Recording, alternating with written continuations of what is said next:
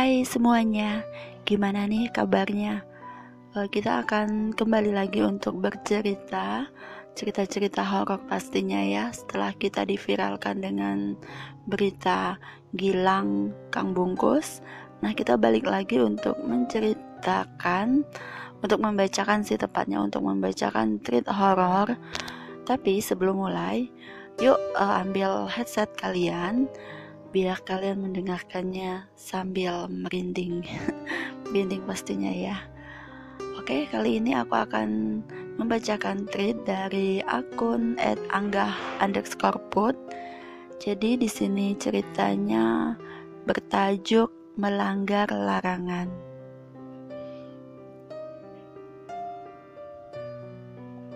Apa yang kau lakukan? Maafkan kami. Tidak ada kata maaf Kau harus mempertanggungjawabkan semua ini.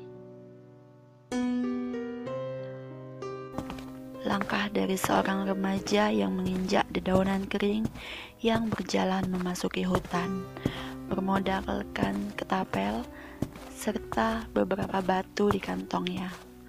Remaja itu berburu burung yang biasa dia lakukan di sore hari, dengan membawa sebilah badik yang dia selipkan di pinggangnya di mana ketika berhasil mengenai burung ataupun ayam hutan yang dia temui untuk langsung disembelih.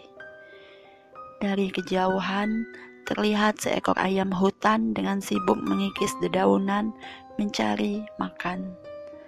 Nah, ada satu, lumayan makan enak malam ini, ujar remaja itu yang melihat ayam hutan tengah sibuk mencari makan.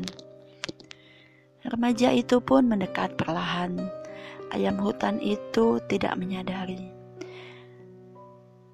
Ayam hutan itu tidak menyadari kehadirannya.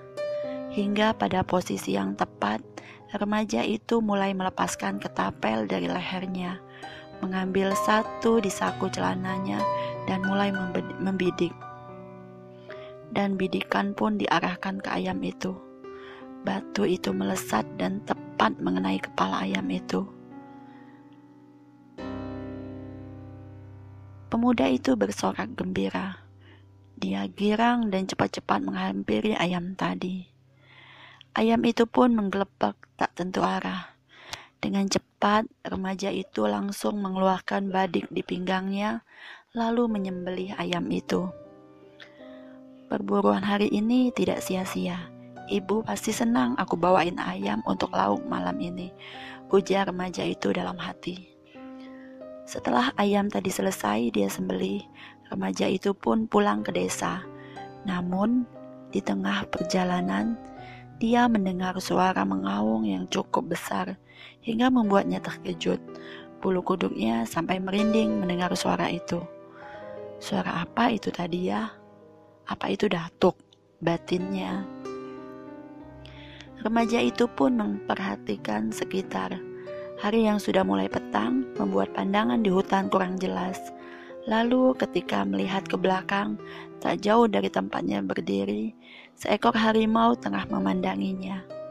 Dengan sigap, remaja tadi berdiri menghadap harimau tersebut. Karena menurut tetua desa yang dia dengar, jika bertemu harimau, harus memperhatikan kening supaya harimau itu tidak menerkam, agar harimau itu tahu jika manusia itu adalah umatnya Nabi. Dengan keringat yang bercucuran, remaja tadi berjalan mundur sambil memperhatikan harimau itu. Datuk, maafkan saya. Saya berburu hanya untuk mencari makan. Jangan ganggu saya, Datuk ujar remaja itu yang masih berjalan mundur. Kini harimau itu diam. Remaja tadi masih berjalan mundur hingga ketika jaraknya dengan harimau itu sudah cukup jauh, remaja tadi berlari sekencang mungkin hingga sampai ke desa. Dengan napas ngos-ngosan, remaja tadi langsung berlari ke sebuah rumah gubuk di berlari ke sebuah rumah saya ulang ya dengan napas ngos-ngosan, remaja tadi langsung berlari ke sebuah rumah gubuk tua di ujung desa. Dengan napas yang tidak teratur, remaja itu mengetuk pintu layaknya seperti dikejar setan. Yang, Eyang, ucap remaja itu yang masih mengetuk pintu. Lalu tak lama keluar seorang laki-laki tua mengenakan tanjuk Melayu di samping pintu. Astagfirullah nak, kalau mengetuk pintu ya ucap salam, kata laki-laki tua itu. Remaja itu hanya diam, namun tubuhnya tetap gemetar dengan keringat membasahi tubuhnya. Ada apa ini nak Pandu? Kamu seperti tidak kejar setan saja. Itu Eyang, aku, aku melihat datuk berada di sekitaran hutan ketika aku sedang berburu, ucap Pandu yang masih gemetar. Raut wajah lelaki tua itu berubah mendengar itu. Ya sudah, cepat sekarang kamu pulang ke rumah. Perintah Eyang Kelana kepada Pandu. Pandu pun mengangguk lalu langsung pulang ke rumah. Gawat, itu adalah sebuah pesan batin Eyang Kelana. Eyang Lana pun masuk ke dalam rumah dan mengambil bajunya, lalu pergi ke tempat kepala desa. Setibanya di rumah kepala desa, Eyang Lana pun mengetuk pintu dan mengucap salam. Kemudian kepala desa pun keluar dan berujar, "Eh, Pak Lana, naik, Pak." ucap kepala desa melihat ke Lana berkunjung. Lana pun duduk di kursi yang ada di depan rumah itu. Ada masalah apa, Pak? Ucap Surya yang mengetahui jika Kelana berkunjung ke rumahnya, kemungkinan akan ada masalah yang akan datang. Begini, Sur, tadi Pandu ke rumah. Katanya, Sewaktu berburu, dia melihat ada datuk di sekitaran hutan, tak jauh dari desa. Aku merasakan akan ada musibah jika tidak kita tangani, ucap Kelana pada Surya. Surya pun mengusap-ngusap janggutnya. Sudah lama Datuk tidak memperlihatkan dirinya. Kalau begitu mal kalau begitu malam nanti saya akan kumpulkan sebagian warga untuk memeriksa desa-desa ucap Surya menanggapi pernyataan Kelana. Tepat jam 7 sebagian warga yang dikumpulkan mulai memeriksa rumah ke rumah. Surya sengaja tidak mengumumkan kepada semua warga karena jika diumumkan secara terang-terangan akan membuat pelaku jadi waspada. Penerangan di desa yang masih menggunakan obor di setiap rumah membuat para warga sedikit kesulitan dalam penglihatan. Ketika tengah malam memeriksa di setiap rumah, ada satu rumah dan obor di depan rumahnya tidak menyala. Membuat Surya dan para warga curiga. Pak, ini kan rumahnya Ayu si janda itu. Kenapa obor rumahnya tidak dihidupkan ya? Ucap salah seorang warga menyatakan mengatakan kepada Surya. Surya pun mengangguk dan mengerti maksud dari warga itu. Dengan langkah yang pelan, Surya dan para warga pun menghampiri rumah itu. Terdengar suara desahan seorang wanita dan laki-laki berlawanan. Para warga dan Surya saling menatap, seolah mereka mengerti langkah selanjutnya. Tanpa basa-basi, salah satu warga langsung menggebrak pintu depan rumah dengan keras. Kemudian, Para warga masuk dengan cepat hingga sampai di pintu, pintu kamar rumah. Mereka melihat sepasang manusia tengah bertelanjang melakukan hubungan. Astagfirullah, serentak para warga mengucap, Indra, biadab sekali kau. Istrimu tengah mengandung sementara kau malah bermain dengan janda ini, teriak Surya. Para warga yang geram lantas langsung menyeret mereka berdua keluar rumah hingga suara yang bising itu membuat warga desa berhambur keluar melihat apa yang terjadi. Kini semua warga bisa melihat laki-laki dan wanita bertelanjang tengah jadi pertontonan warga. Lalu tiba-tiba seorang wanita dengan perut besar berlari mendekat sambil menangis terseduh-seduh. Dia melihat lelaki itu. Tega kamu, Mas. Tega sekali kamu ini, ini anak kamu yang dikandung aku. Tega sekali kamu berkhianat dengan janda itu, ucap wanita itu sambil menangis. Maaf, maafkan aku Ani, aku hilaf. Dengan air mata yang masih mengalir,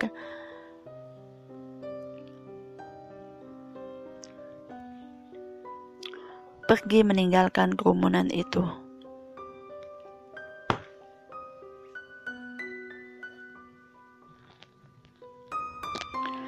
Bakar, bakar saja mereka berdua ini, ucap para warga yang geram atas tindakan hina itu. Kemudian, para warga pun mulai riuh dan ada yang membawa bahan bakar untuk segera disiram kepada dua orang itu. Hingga tak lama, Kelana datang menghampiri kerumunan orang itu.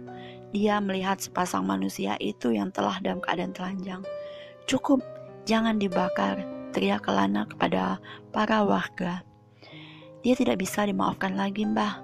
Mereka harus dihabisi agar desa kita ini ter tidak terkenal ter tidak terkena sial, ucap salah satu warga dengan suara lantang. Iya, iya, benar. Bakar-bakar saja. Ya betul, tambah warga-warga lain berteriak. Tunggu dulu, kini Kelana kembali berteriak. Serentak para serentak para warga pun mulai diam. Datuk menyampaikan pesan. Mereka harus dihukum mati karena telah melanggar aturan desa, bahkan telah melampaui batas. Mereka harus diarak keliling desa, lalu dirajam hingga mati, tambahnya. Hingga para warga pun banyak yang setuju, lalu kini dua orang tadi telah diarak keliling desa sesuai apa yang dikatakan Kelana, hingga dua orang tadi setelah selesai diarak, kini dua orang itu dikubur hidup-hidup dan hanya kepalanya yang terlihat. Lalu mereka mulai dilempari dengan batu hingga sampai mati. Keesokan hari, keesokan paginya, Ani dan Ani dengan perut yang sedang mengandung itu memutuskan untuk pergi pulang ke rumah orang tuanya. Anak ini tidak akan menurun perilakumu. Ujar Ani. Dan 20 tahun kemudian, di teras rumah terlihat seorang pemuda berpakaian rapi dan sedang mengenakan sepatu dengan rambut yang kelimis di sisi ke kanan membuatnya terlihat sedikit tampan. Bu, Jojo pergi dulu ya, Tunggu nak, ini jaket kamu ketinggalan. Di luar dingin, ucap seorang wanita. Yang tidak begitu tua membawakan jaket itu, lalu mengenakannya kepada Jojo. Kuliah yang bagus ya nak, jangan pacaran, jangan cinta-cintaan, jangan bikin malu ibu ya, ucap wanita itu berpesan dengan Jojo. Bahkan bukan hanya hari, hari itu saja, Sang ibu hampir setiap hari berpesan kepada Jojo anaknya, setiap kali pergi mau berangkat kuliah. Meski begitu, Jojo tidak pernah bosan mendengar nasihat ibunya itu, karena dia tahu betapa susahnya sang ibu membesarkannya. Sejak kecil, Jojo tidak pernah tahu siapa bapaknya. Jangankan untuk melihat, namanya saja Jojo tidak tahu. Setiap kali Jojo bertanya berilah hal bapaknya, Ibunya selalu menangis hingga membuat Jojo tidak tega untuk me me lalu mengurungkan niatnya. Jojo pun melangkah ke sepeda motor butut yang dia beli dengan uang yang dia kumpulkan selama bekerja dari lulus SMP. Suara nyaring dari knalpot motor itu terdengar, dan Jojo pun melaju ke arah kampus.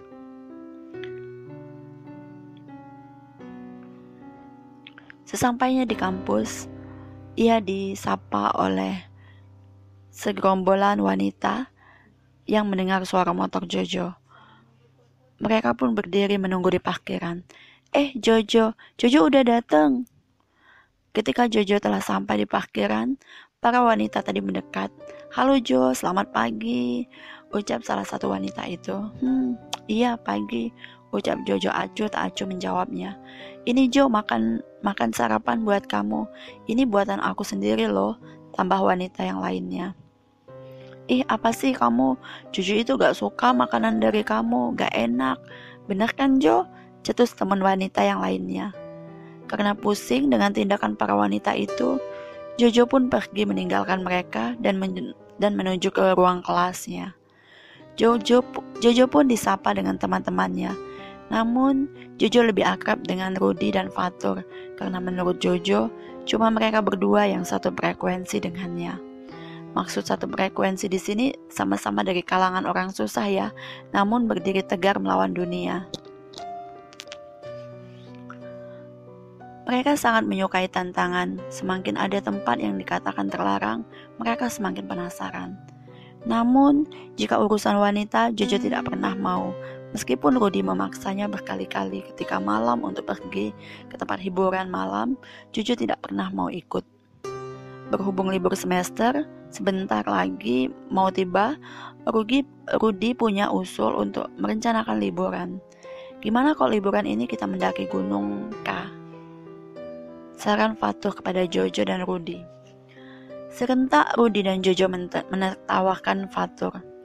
Halah, udah basi kali tur. Udah banyak yang ke sana, gak asik ah, ucap Rudy.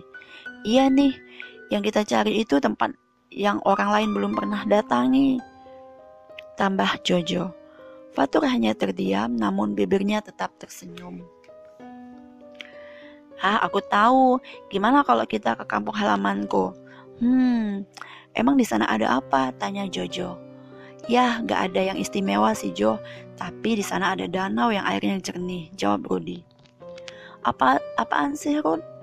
Kalau cuma danau noh, belakang rumah gue juga ada, jawab Jojo dengan ketus. Bukan hanya itu Jo, kata abangku di sana, kita bisa melihat harimau Sumatera yang langka itu loh. Dia bisa berkeliaran di sekitaran hutan, ucap Rudy. Hmm, menarik nih. Selain harimau, ada apa lagi Rud? Musang ada gak? Ledek Fatur sambil tertawa menutup mulut. Banyak, kenapa? Lu mau satu untuk dikasih makan kopi? Udah itu bijinya mau lu seduh. Dasar anak senja indie home. Ucap Rudy. Eh, serius-serius. Jadi beneran nih, mau ke kampung lu, Rud. Ucap Jojo memastikan. Gua sih oke-oke aja, Jo. Lu gimana, Tur? Gua akan ikut asal lu janji bakal tetap ikut meski nanti gua bawa yang aneh-aneh. Aneh-aneh? Maksud lu apaan sih? Ucap Jojo yang tidak mengerti maksud Fatur. Fatur mengedipkan matanya kepada Rudi. Rudi pun mengerti. Udah, iyain aja Jo. Ini anak emang rada gila. Celetup Rudi agar Jojo mengiyakan kemauan Fatur.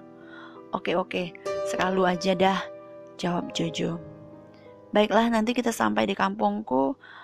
Akan aku kasih lihat kuburan dua orang pezina yang dikubur hidup-hidup ucap Rudi di akhir percakapan. Namun, Jojo dan Fatur semakin penasaran. Hah? Pezina? Oke, ini ceritanya baru sampai sini ya.